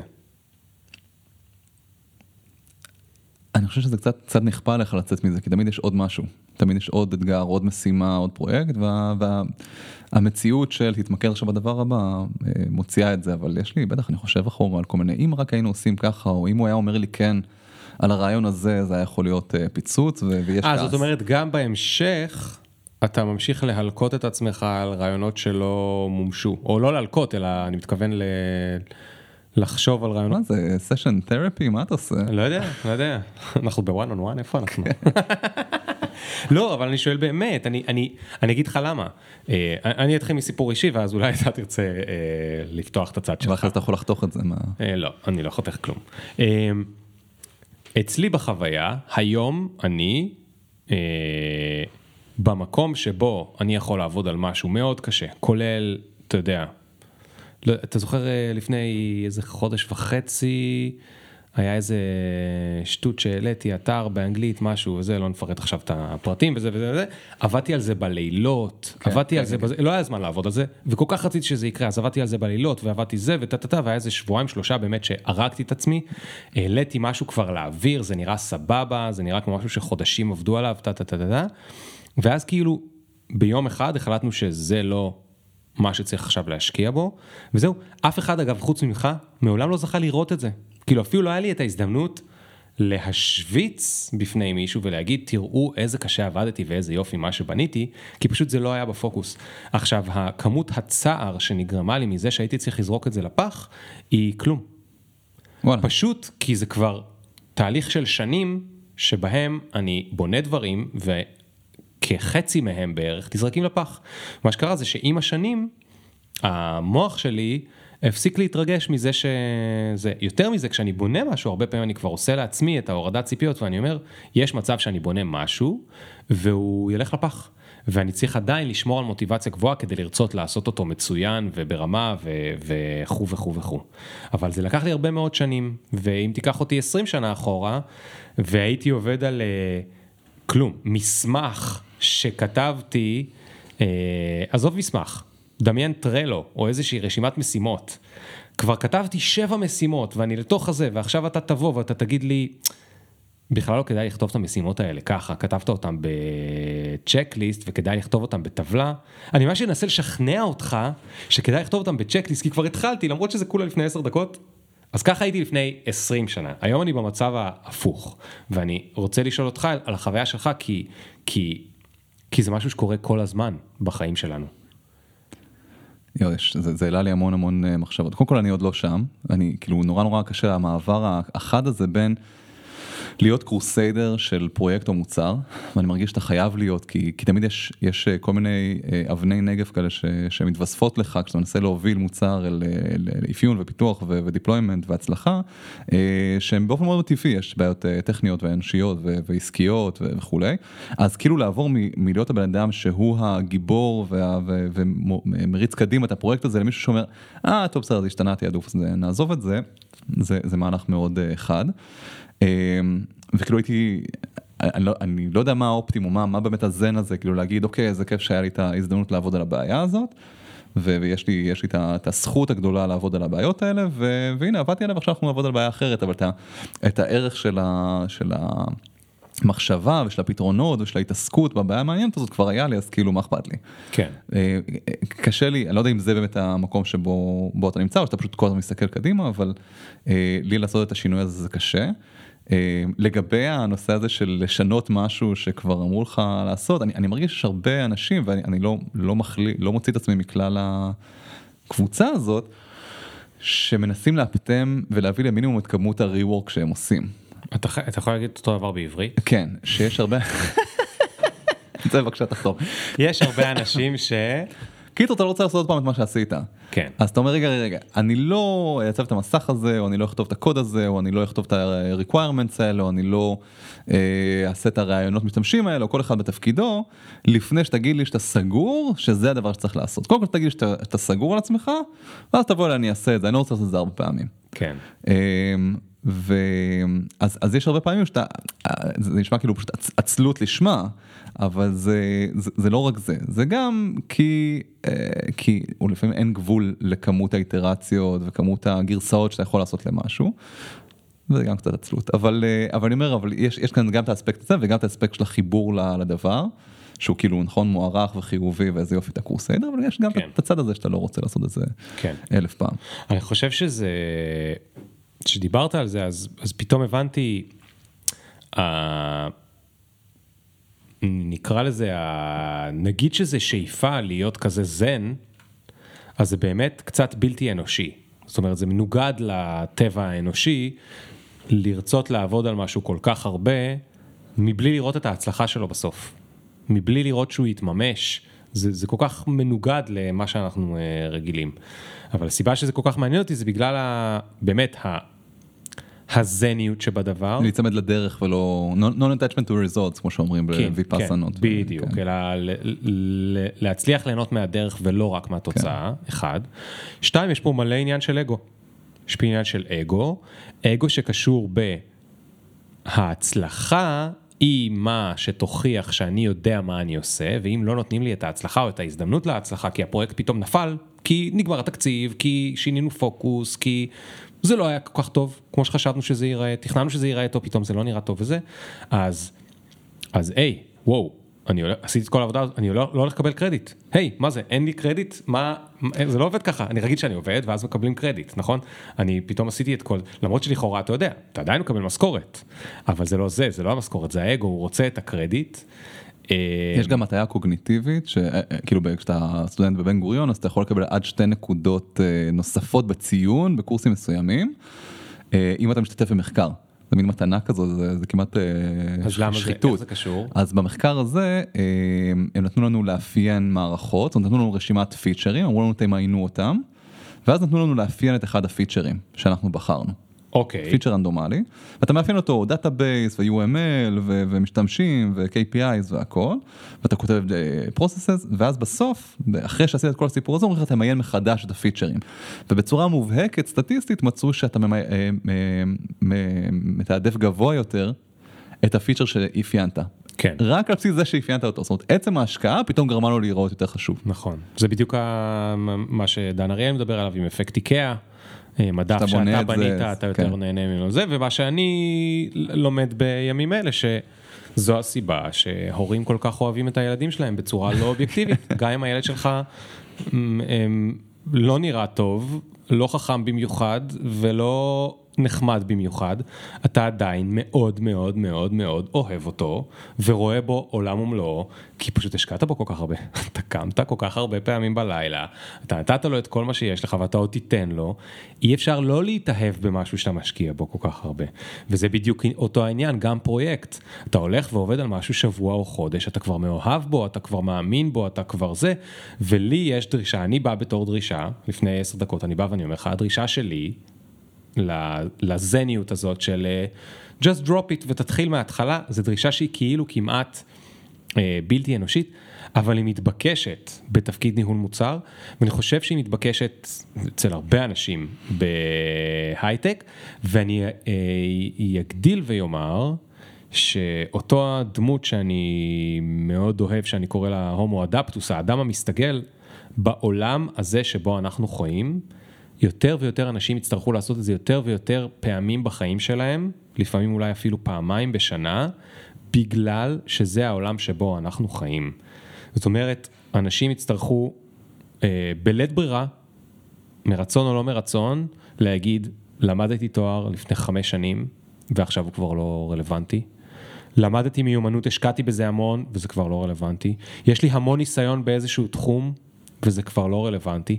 פשוט כי העולם משתנה מול החיים שלנו. אני חושב שזה שני דברים שונים, זאת אומרת, אה, ה- ה- היקשרות לפרויקט, לרעיון, ל- כאילו לא ליצור עיר רפאים, אלא משהו שהוא ממשיך, לעומת הנושא הזה שאתה צריך להסתכל כאדם מבחינת הסקיל סטים שלך, יכול להיות שזה משתלב, יכול להיות שלא. אה, באתי לבקר את אבא שלי בתור ילד בתעשייה האווירית, במפעל באשדוד שנקרא אלתא, והוא היה אה, אלגוריתמאי, דוקטור למתמטיקה, וכשניגשתי אליו הוא כזה עשה לי סיור, ואמר לי, זה הבניין של הפרויקט שלי. מה זאת אומרת? הפרויקט היה לבנות אה, אה, איזה מכ"ם או איזה כלי ל"א למכ"ם של איזשהו מטוס. הוא היה כל כך ארוך וכל כך יקר שהקימו בניין באלתא שהיה נקרא הבניין של הפרויקט. כי הפרויקט הזה הולך לרוץ עכשיו כן. עשרות שנים, כן. and it makes sense to build the building ולגייס אליו אנשים שימשיכו איתו עכשיו עשרות שנים. כן. אז זה לא ש... אני לא חושב שאין משרות כאלה או אין פרויקטים כאלה. אה, רק כנראה שהם פחות באזורי חיוג או הם פחות לא, נפוצים. בוודאי שיש, בוודאי שיש, אבל אני, אני, מה שאני מנסה להגיד זה שאני חושב שהם מתמעטים. ו, וגם, פה, אתה יודע מה, חד משמעית, אם יש היום, אם מישהו היום פותח פרויקט שלוקח, אה, אמור לקחת 30 שנה, זה לא אותו דבר כמו פרויקט בשנות ה-70 שהיה אמור לקחת 30 שנה. בשנות ה-70 פרויקט שלוקח 30 שנה, כנראה שבאמצע עשו נגיד שני פיבוטים גדולים, כי הטכנולוגיה השתדרגה פי עשרה, ואמרו, טוב, כבר לא צריך לה- להשקיע את כל זה בלבנות את השבב הזה, כי אנחנו מקבלים אותו במתנה מ... מהמדף, אפשר לקנות אותו בסין. אבל בשנת 2020, כשמישהו מתכנן פרויקט 30 שנה, אז אולי 10 פעמים תוך כדי יהיה אפשר לשנות לגמרי את איך שזה נראה. ואם המהנדסים שעובדים שם לא מעדכנים את עצמם על הטכנולוגיות החדשות ואיך לעבוד איתם, הם פשוט לא יעבדו שם. אתה יודע, יש את ה... אה, הדפים שלפעמים אתה רואה מודפסים בכאלה, זה בחדר שלי, אה, של הדוח עתיד עולם העבודה, שמוציאים החבר'ה מהכנס בדאבוס, אה, פורום כלכלה עולמי. ואני מאוד אוהב אה, לקרוא את הדוחות הסופר משעממים האלה, פשוט זה ממש מעניין. עשית לזה ו- גם סרטון מסכם, נכון? נכון, עשיתי סרטון מסכם על הדוח שיצא ב-2018, אבל אז יצא גם דוח ב-2020, וב-2020 הם שאלו את המנכ"לים ואת המנהלות אה, משאבי אנוש, מה תעשו עם העניין הזה שיש, יש מה שנקרא את ה skill gap. skill gap זה כאילו אה, להרבה מאוד אנשים כרגע בתעשייה, או אנשים שרוצים לחפש עבודה או שעובדים, אין את המיומנויות שהם צריכים בשביל עוד שלוש או חמש או עשר שנים, כי הטכנולוגיה מתקדמת. סתם במובן הכי מפגר של זה, אוקיי? פעם כולם עבדו עם אקסל של מייקרוסופט, היום כולם עובדים עם גוגל שיטס, זה קצת, זה די דומה, אבל יש כמה הבדלים, ואם אתה רוצה להתקדם, אתה צריך ללמוד, לעבור מ... אקסל של אה, מייקרוסופט לגוגל שיטס, בסדר? ואתה צריך לעשות את המעבר הזה, כי זה מה שיצפו ממך להשתמש. ופעם כולם השתמשו באאוטלוק, ואז הם עברו לעבוד עם ג'ימל או עם ג'ימל מקצועי, וזה נכון בשני דוגמאות המפגרות האלה, אבל זה נכון הרבה יותר גם בכל מקום שנכנס אליו, בינה מלאכותית וכו' וכו' וכו'. וה skill gap זה אחת הבעיות הרציניות ביותר של עולם העבודה. בגלל שהטכנולוגיה מתקדמת כל כך מהר, יש כל שנה יותר ויותר אנשים שאין להם את המיומנויות הנדרשות. מי סובל מזה? החברות עצמן. כי אצ... בתוך החברות יש אנשים בני 20, 30, 40, 50, 60, שלא יודעים לעשות את העבודה מספיק מהר או טוב, או להשתמש בכלים כדי להפיק את uh, מה שצריך. סתם, נגיד AT&T או General Motors כאלה הולכים ומשדרגים את כל המפעל, ועכשיו עברו למכונות בזה. אז עכשיו הם צריכים לעשות הכשרה הרבה יותר מסובכת, ולא כולם תפסו את ההכשרה, אז עכשיו יותר לאט במפעל ובלה בלה בלה בלה. בלה. וכששואלים את ה... בדוח של 2020, החדש יותר, שואלים את המנכ"לים, מה אתם הולכים לעשות עם ה skill gap? אז אחוז גבוה מהם עונה, אני הולך לעשות יותר הכשרות, אני הולך ללמד את החבר'ה יותר טוב איך, אה, מהם מיומנויות העולם החדש ואיך אה, לשדרג.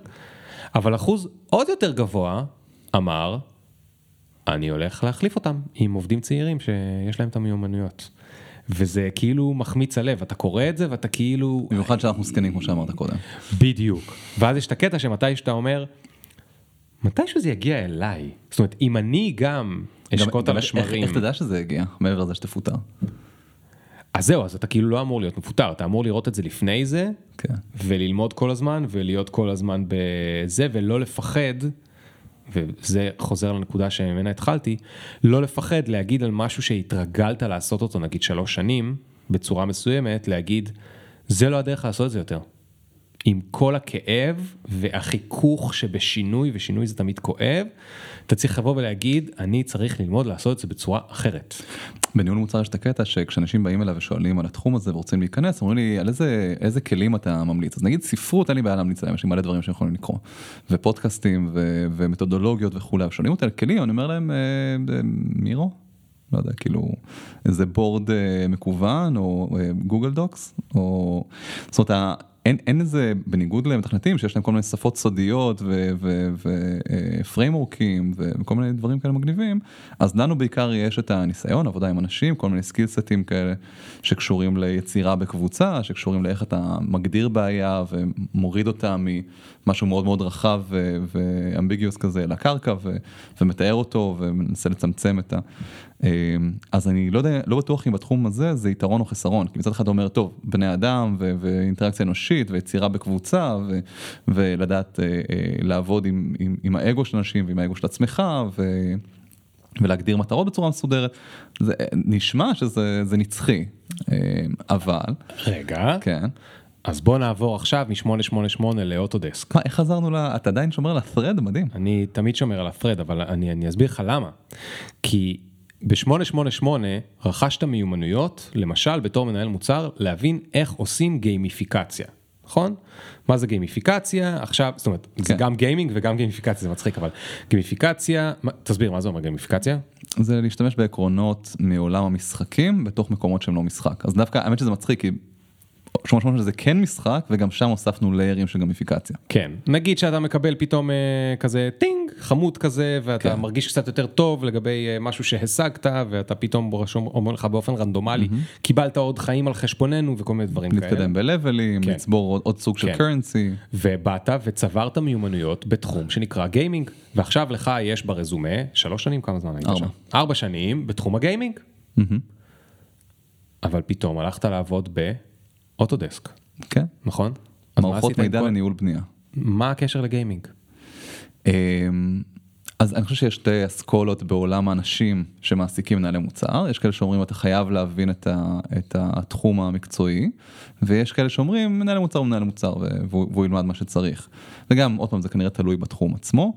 באוטודסק ספציפי זאת חברה גדולה ומסודרת ואמריקאית ועם 30 שנה היסטוריה, אז יש מקום לשני הסוגים, יש external product manager ו-internal, כזה שעובד יותר עם הלקוחות, בסוף גם אני עבדתי עם הלקוחות וכזה שעובד יותר עם צוות הפיתוח. אמ, אז, אה, אז, אז כנראה שחבר'ה באוטודסק היו מהאסכולה של מישהו עם ניסיון בניהול מוצר יכול ללמוד גם את התחום, ואז, כן. ו- ואכן כן, ככה. אבל לא כאב לך שאתה כאילו זורק מפספס? לפח את הניסיון בגיימינג ואתה לא יכול עכשיו לבנות עליו עוד ניסיון ב gaming? לא, אני חושב שאולי מה שהטריד אותי זה, אין לי, אני לא יודע אם זה סיפור טוב לספר בקורות חיים, שאני לא מתמקד ו- ומעמיק, זאת אומרת, אנשים שנמצאים נגיד ב gaming, אז הם, הם באים לאותם כנסים כל שנה והם מתעסקים והם באמת מבינים את עולם התוכן, ואם אתה מדבר איתם על איך אה, עושים את החישוב הנכון ל house profit, ואיך אתה מחשב את הג'קפוט וזה, אז יש להם כבר ניסיון של 10 שנים, 15-20 שנה בלעשות את זה בצורה נכונה, כן. וזה באמת הולך לאיבוד. אה, אבל, אבל זה פחות הטריד אותי, דווקא הייתי שמח על, ה, על ההזדמנות לעשות דברים נוספים. מה עושים באוטודסק? מלא דברים. מה אתה עשית באוטודסק? לא, מה בגדול החברה עושה? בגדול אה, יש, אה, יש להם כלים שמתעסקים ב- בתכנון, אה, אדריכלות, אוטוקאד זה עדיין התוכנה המובילה בעולם לתכנון דו-מימד, ויש להם גם הרבה מאוד כלי תלת מימד, גם לתחום התכנון והעיצוב של מכונות ובתים, אבל גם בתחום הסרטים, זאת אומרת יש להם כלי תלת מימד שאתה רואה כל מיני סרטים של אה, סרטים מצוירים, אז כלים של אוטודסק. אה, אה, מה, פיקסר. כאלה? כן, לא יודע אם פיקסר ספציפית משתמשים ב... לא, פיקסר בטח ב- 3D משתמשים במשהו ש... איך קוראים לו? סטיב ג'ובס כזה, כן. בעצמו, אבל כמו פיקסר, דיסני כן. כאלה. אה, ממש, אז, אז זה, זה עוד תחום ויש להם, אה, יש להם עוד כל מיני תחומים שעכשיו אני אביך את אז באיזה תחום. אתה עבדת? אני עבדתי ב, ב, אה, במערכות לניהול בנייה, מערכות שבאות אל הקבלן, הן מנסות אה, לעזור לו להגדיל את שולי הרווח שלו על ידי זה שהוא צופה בעיות מראש, אה, מגדיל את התקשורת בין הצוותים באתר הבנייה ומחוצה לו, אה, מטייב את זאת התקשורת. אומרת זה מין המדריכה. כזה שכבה, נקרא ERP לזה לבנייה. שכבת העולם החדש, שהגיע לעולם מאוד ישן, שבו יש קבלנים ובנאים ונגרים וכל מיני חברים כאלה, יש להם רצועות כאלה עם מלא כלים ו tools וזה, ומזיעים. כשנכנסתי לחברה אמרו לי שכמות digitization בעולם ה construction הוא אה, אה, שני מלמטה רק ל hunting, כאילו התחום, אמרו לי, אני לא הבנתי שום דבר סליחה, שאמרת. סליחה, יש, הראו לי טבלה, ובטבלה היה כתוב באיזה תחום עסקי יש הכי הרבה אה, דיגיטיזציה, זאת אומרת יש הרבה, הכי הרבה תוכנה, אז היה כתוב ad tech, ad לא education אלא אה, פרסומות. אלא ads, כן, אז זה הכי גבוה, שם יש מלא מלא מלא זה, ואז איפשהו כנראה גם יש פורנו בדרך והימורים וכולי, ובתחתית הרשימה התחום שיש בו הכי מעט. אה, תוכנה זה hunting, ב hunting כנראה מה ש... זה hunting? לצוד, אתה רוצה לצוד איילה, בציד? אז אין אפליקציות לציד איילה, אתה צריך אוקיי. ללכת ולראות בה, אוקיי, בסדר? אוקיי. אבל- אי אפשר to swipe left. לא, אתה לא יכול, אוקיי. אבל אחד, לא, right נראה לי, לא? אוקיי, לא משנה. לא- אחד מעל, יואו, ציד וציד, זה נורא מה שעשית עכשיו. אז דרגה אחת מעל זה, זה construction, וכנראה אוקיי. שמאז זה כבר עלה וכולי. זאת אומרת זה תחום מאוד מאוד מאוד מאוד. עולם ישן, כן. ואוטודסק באה ואמרה אנחנו הולכים לדחוף לאנשים האלה ביד טאבלטים ומחשבים ומערכות כן. והם יבינו סוף סוף יהיה להם דאטה על הצינורות ו-AI, וידעו- ו-AI והם ידעו איך לתכנן את הבניין וזה, כן. אז זאת אומרת הלקוחות של המוצרים שעליהם אתה היית אחראי היו לקוחות נקרא לזה. לא מתקדמים כמו, אה, אה, אה, לא יודע מה, לקוחות של אה, 88 או של... אה, או של מנהל שיווק דיגיטלי. כן, כן. ואיך זה היה לעבוד איתם? אמ, בהתחלה הייתי מאוד מאוד רחוק מזה וזה היה נראה לי מאוד מאוד אפרורי, זאת אומרת החברה היא, היא מעסיק מדהים, no offense ל... לכל מעסיק אחר שבמקרה יושב בחדר, אמ, אבל הם, הם מעסיק מדהים וה, והצוותים ההנדסיים מדהימים והכל שם באמת אה, אה, ברמה מאוד מאוד גבוהה. התחום היה נראה לי לא, לא מאוד מעניין אבל, אבל כל יתר הדברים מאוד התאימו לי אז, אז הגעתי ולקח המון זמן עד שהתחברתי ורק אה, בשנה השנייה שלי שם אה, בטיסות להיפגש עם לקוחות וה- והלקוחות זה אתה נוסע לאיזה חור במידווסט מקום שבחיים לא היית טס אליו. לחופשה, אתה, זה, זה, גם אמריקאים ב- בהתנסות קוראים לזה fly over countries, כי כאילו יש את, אם אתה אמריקאי בהייטק אז יש את ניו יורק ויש את סן פרנסיסקו ויש את המטוס שטס טס מעל כל מיני אה, מדינות בדרך, אז אה, יצא לי להיות שם ו- ואתה פוגש, ואני, זה, זה נשמע קצת מתנשא וכמו זה מחקר אנתרופולוגי, אבל באמת אתה פוגש אנשים שהם בנאים וקבלנים ו- אה, ואנשי, גם אנשים משכילים אבל גם אנשי עבודה שחורה, ומשתמשים באפליקציה שעשית להם, ואז אתה מגלה שעם הכפפות שיש להם על הידיים, או כשיורד גשם באתר הבנייה, אז וואלה, לא כל כך עובד מה שעשית הם שם. לא צריכים ללחוץ על הטאבלט. אי אפשר ללחוץ על זה. או למשל החברה לא שילמה על, אה, על וי-פיי בתוך הטאבלטים, אה, לא שילמה סליחה על 3D, אה, 4G בתוך הטאבלטים, אז הם מחזיקים בשתי ידיים טאבלט אחד וטלפון, הטלפון הפרטי שלהם כדי להתחבר בהוטספוט מהטאבלט הטלפון. וכאילו אתה מבין כל מיני... ו- אתה מבין עד כמה דברים שאתה לא דמיינת בכלל שהם כמה הבעיה. דפקת את המערכת ועשית את זה על הפנים. ו... ושם היה לי חיבור מאוד גדול וגם אני גיליתי המון אמפתיה כי הם אנשים שבונים דברים הם באים כזה בשלוש לפנות בוקר ומסיעים בטון ומלט ו... אז, אז נורא נורא קל לפחות לי היה להתחבר אליהם וגם אנשים שהיו איתי. איך הם התייחסו אליך שם? אמ, בהמון המון המון היה להם סבלנות אליך? כן. אה, כמעט באופן מוחלט המון המון ריספקט וסבלנות ובאמת מאמין גם גם אה, כעס על דברים שלא עובדים כמו שצריך ואנשים מאוד רציניים פרויקטים שם מתח הרווחים הוא כך קטן שכל פשלה שאתה תוקע אותם עכשיו הם התעכבו שלוש שעות כי לא הצליחו להוריד איזה דוח אז אתה, אתה עיכבת בנייה בעוד יום זה המון כסף. אה, רק המחירי החימום של הבניינים שם בזמן שבונים אותם הוא אדיר בכל מקרה אז הם נורא נורא ריספקטפול הם מאוד מעריכים השכלה. כי הרבה מהם ל- לא משכילים, אה, אז הם מאוד מעריכים אנשים שכן, ובאופן כללי באת לעזור להם, באת לשמוע על הצרות שלהם, באת לשמוע איך הם מתמודדים. שם גם למדתי מחקרי משתמשים, נגיד למדתי שאחד הדברים שאתה שואל במחקר משתמשים מעבר למה יקרה כשאתה קליק פה ומה יקרה כשאתה קליק פה זה אה, מה הדבר האחרון שאתה חושב עליו לפני שאתה הולך לישון, אפרופו שיחות פסיכולוגיות במקום אה, זה, או אה, מה רגע מה זה קשור?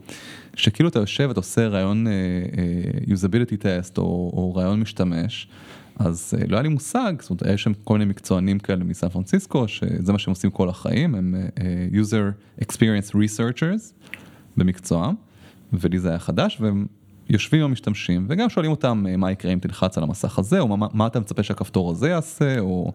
אה, אה, אבל מה זה השאלה על על מה אתה חושב לפני שאתה הולך לישון? כי אתה מנסה להרחיב את היריעה, אתה מנסה להבין מה מעסיק את האנשים האלה מקצועית, שבכלל אתה לא חושב לשאול אותם, אז אתה מנסה לשאול איזושהי שאלה שהיא קצת אה, triggering כזאת, אה, לא במובן הדורזי, אלא זה, שמנסה להוציא מהם מה באמת מעסיק אותם, מה באמת אכפת להם. כי מה אולי הם יענו?